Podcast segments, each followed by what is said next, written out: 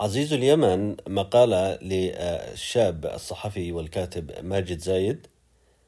يقول في إحدى ليالي الشتاء اليمني ليالي البرد والهدوء والشوارع الموصدة الآمن عابريها اتصل رئيس الوزراء اليمني آنذاك بصحفي وكاتب حكومي ليطمئن عليه ويعتذر له عن تأخره في إعادة رواية كان قد استعارها منه قبل أشهر مبررا ذلك بشغفه في قراءة فصولها كل ليلة قبل نومه.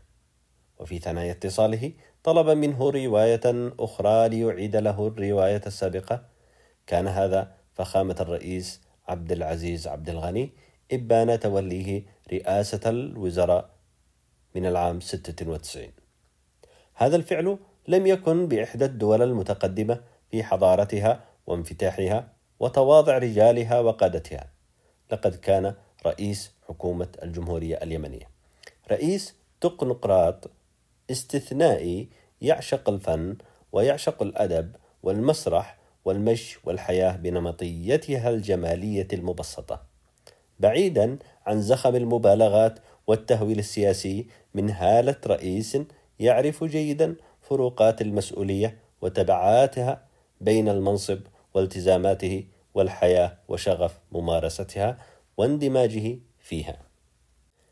وفي ليلة أخرى بإحدى الليالي اليمنية خلال الثمانينيات اتصل نائب رئيس الجمهورية العربية اليمنية آنذاك فخامة الأخ عبد العزيز عبد الغني بمصور هاو ليخبره فقط عن إعجابه بصورة أبيض وأسود كان قد التقطها ونشرها بإحدى الصحف المحلية عن إحدى مناطق اليمن الساحلية يومها قال له أنت فنان مبدع ولديك حس جميل وبلادنا في هذه الفترات خصوصا بحاجة لتوثيق أكثر ونشر معظم تفاصيل المجتمع والناس. كل التوفيق أيها الفنان.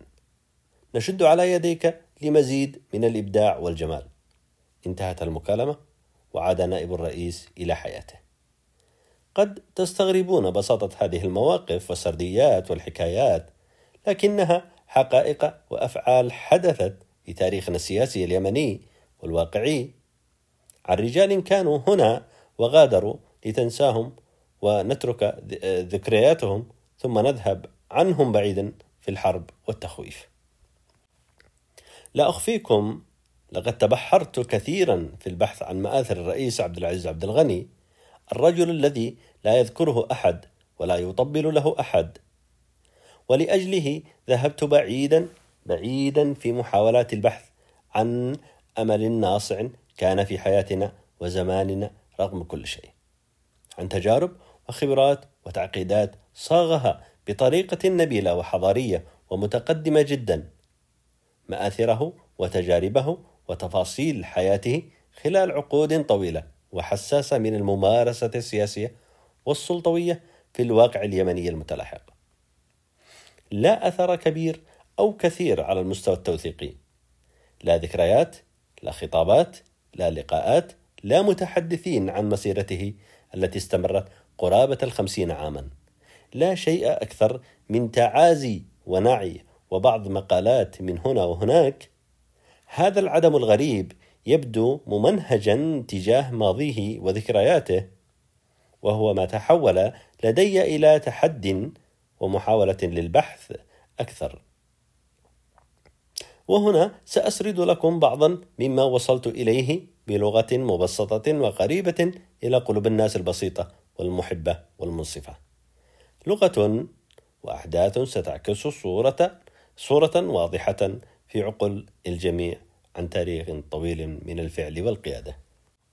ذات يوم في عام 1968 حينما كان ابن حيفان محافظة تعز عبد العزيز عبد الغني مديرا للبنك اليمني للإنشاء والتعمير طلب منه الرئيس إبراهيم الحمدي تولي وزارة الاقتصاد ليتفاجأ من العرض ويتردد ويعتذر لم يكن المنصب بالشيء البسيط عقب أحداث أغسطس آنذاك اعتذر بكامل إرادته وخشيته وطلب المسامحة والمغادرة من فخامة الرئيس لكنه لم يتركه ولم يقبل اعتذاره وطلب منه مزيدا من الوقت للحديث ثم قال له هل تظنني توليت السلطة والرئاسة بكامل رغبتي؟ خدمة اليمنيين وبناء دولتهم في هذه الفترة الأصعب والأكثر تعقيدا ليست وفق رغبات الأشخاص بقدر ما هي تكليف علينا ومهام يجب علينا أيضا تحملها والقيام بها. ليس لك الحق في الاعتذار ونحن نحتاجك، وهذا البلد يحتاجك، واليمنيون جميعا يثقون بك وبنا وينتظروننا كما وعدناهم. عليك أن تتولى وزارة الاقتصاد يا عبد العزيز. فأنت أكثر الكفاءات التكنوقراط لدينا وأنت أحد خريجي جامعات العالم المتقدمة هذا ليس خيارك هذا واجبك الوطني العظيم. ستتولى الاقتصاد اليمني. وفق برنامج اقتصادي يستند برؤية شاملة ترتكز على تنمية القطاعات الواعدة كقطاع الزراعة والتعاونيات وتمركز واضح للتنمية الاقتصادية المقبلة في اليمن. ويومها وافق عبد العزيز عبد الغني. وقبل المنصب ليبدأ مسيرة الانخراط ضمن مؤسسات الدولة ومسؤولياتها الجمة ليعبر عنها لاحقا حينما قال حد وصفه كان التكليف في بداياتي على أساس أن تغيير الواقع اليمني يحتاج إلى نهج أكثر نشاطا وأشد فعالية بدلا من محاولة الهرب مما يحدث أو قبوله. في ذلك اليوم بدأ عبد العزيز عبد الغني مسيرته الحافلة بالكثير من المناصب الكبيرة والحساسة. الظروف المبنية على الحاجة والكفاءة آنذاك صنعت من عبد العزيز عبد الغني رجل دولة وصانع خدمات وسياسة وتكنوقراط. لا رجل سلطة وتنازعات وتوافقات وحروب. بخلاف ما يصنعه الحكم القادم على أساس سلالي أو مناطقي أو أسري أو مذهبي. والفرق بين النوعين هنا يكمن في الأخلاق والوفاء والولاء الوطني الخالص لمنظومة الحكم والدولة لا توجيهات وتوجهات الأشخاص وأحزابهم ومذاهبهم القيادية الظرفية. التي حدثت في حياة عزيز اليمن. أدت وبلا شك دورا فعالا في تشكيل شكل السلطة بعدها. مع تلاحم كافة أشكال مناطقها وناسها وخلقت انعطافات كبيرة ومؤثرة في حركة التاريخ وتشكيل المستقبل هؤلاء القادة لم يخلقوا الظروف بل خلقتهم الظروف فكان حسهم الوطني الدفين في أعماقهم تجاه الوطن والشعب مبنيا على أساس المسؤولية والأحقية. بمعنى القيادة التي تستند في وجودها على الأخلاق والكفاءة ولا سواهما. قال ذات مرة في معرض حديثه عن ضرورة الدولة الوجودية والحتمية عقب حرب الانفصال بين الشطرين الشمالي والجنوبي الحرب تملك قوة سلب ونفي هائلة تجعل الفرد المواطن يتحقق من أن وجوده يرتبط بكل أوسع أو بكل أوسع وأن عالمه الخاص أسرته وأمواله وممتلكاته مرتبطة ارتباطا وثيقا بسبب الوجود العام للدولة. ويمكن أن يندثر إذا لم يساهم في الدفاع عن وجود هذه الدولة. لحسن الحظ يمكن لبعض الأدب والفلسفة أن تساعدنا في فهم الماضي والواقع أكثر وربما لإيجاد مخرج من هذه الفوضى التي وقعنا فيها.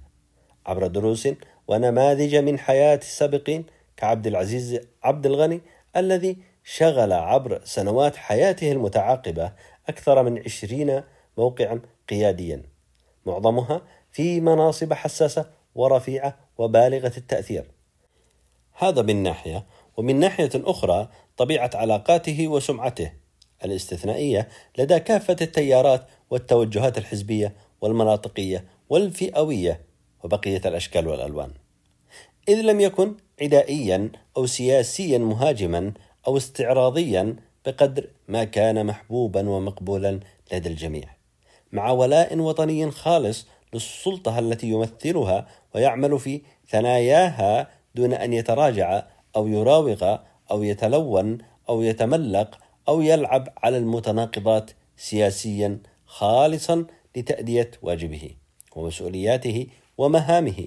وفي لحظات السلطة المعقدة أو الفارضة لصراعات وصدامات وانقسامات كان ينسحب أو يعتذر ومن ثم يغادر. تماما بعد رفضه لاستمرار شخصه في إدارة الحكومة عقب ثلاث سنوات من حرب الانفصال في تلك الفترة الحرجة فضل أن يبقى في موقع استشاري ليساعد رأس السلطة في إدارته للدولة حينما صار رئيس المجلس الاستشاري اليمني ومن ثم رئيس المجلس الشورى اليمني. أخيرا فخامة الرئيس عبد العزيز عبد الغني كان رجلا نادرا وفاعلا صادقا مع الله والشعب وقيادته في الدولة والحكومة وفق كفاءته وأحقيته في تصدر قيادة الدولة وحتى آخر لحظاته ظل وفيا مخلصا ناصحا وحدويا ناصعا ورجلا نظيفا ومسالما ومقربا لوجهات النظر المتفاوتة والمتنازعة إلى أن سقط جريحا بمصلى دار الرئاسة اليمنية. في ذلك اليوم المأساوي والكارثي جنبا إلى جنب مع رأس الدولة ورجالاتها وبعض قياداتها العسكرية في واحدة من أروع وأنصع حكايات الوفاء والشرف والرجولة. عزيز اليمن كان أحد مؤسسي الوحدة اليمنية ومفاوضيها ومعلميها وربما أول وآخر رجل تكنقراط يمني شريف ونظيف له الخلود والسلام وستبقى ذاكرته عامرة وناصعة في حياتنا عن رجال كانوا يقودوننا بمواصفات تنافس أرقى دول العالم تقدما وتحضرا. له الخلود والمحبة والبقاء.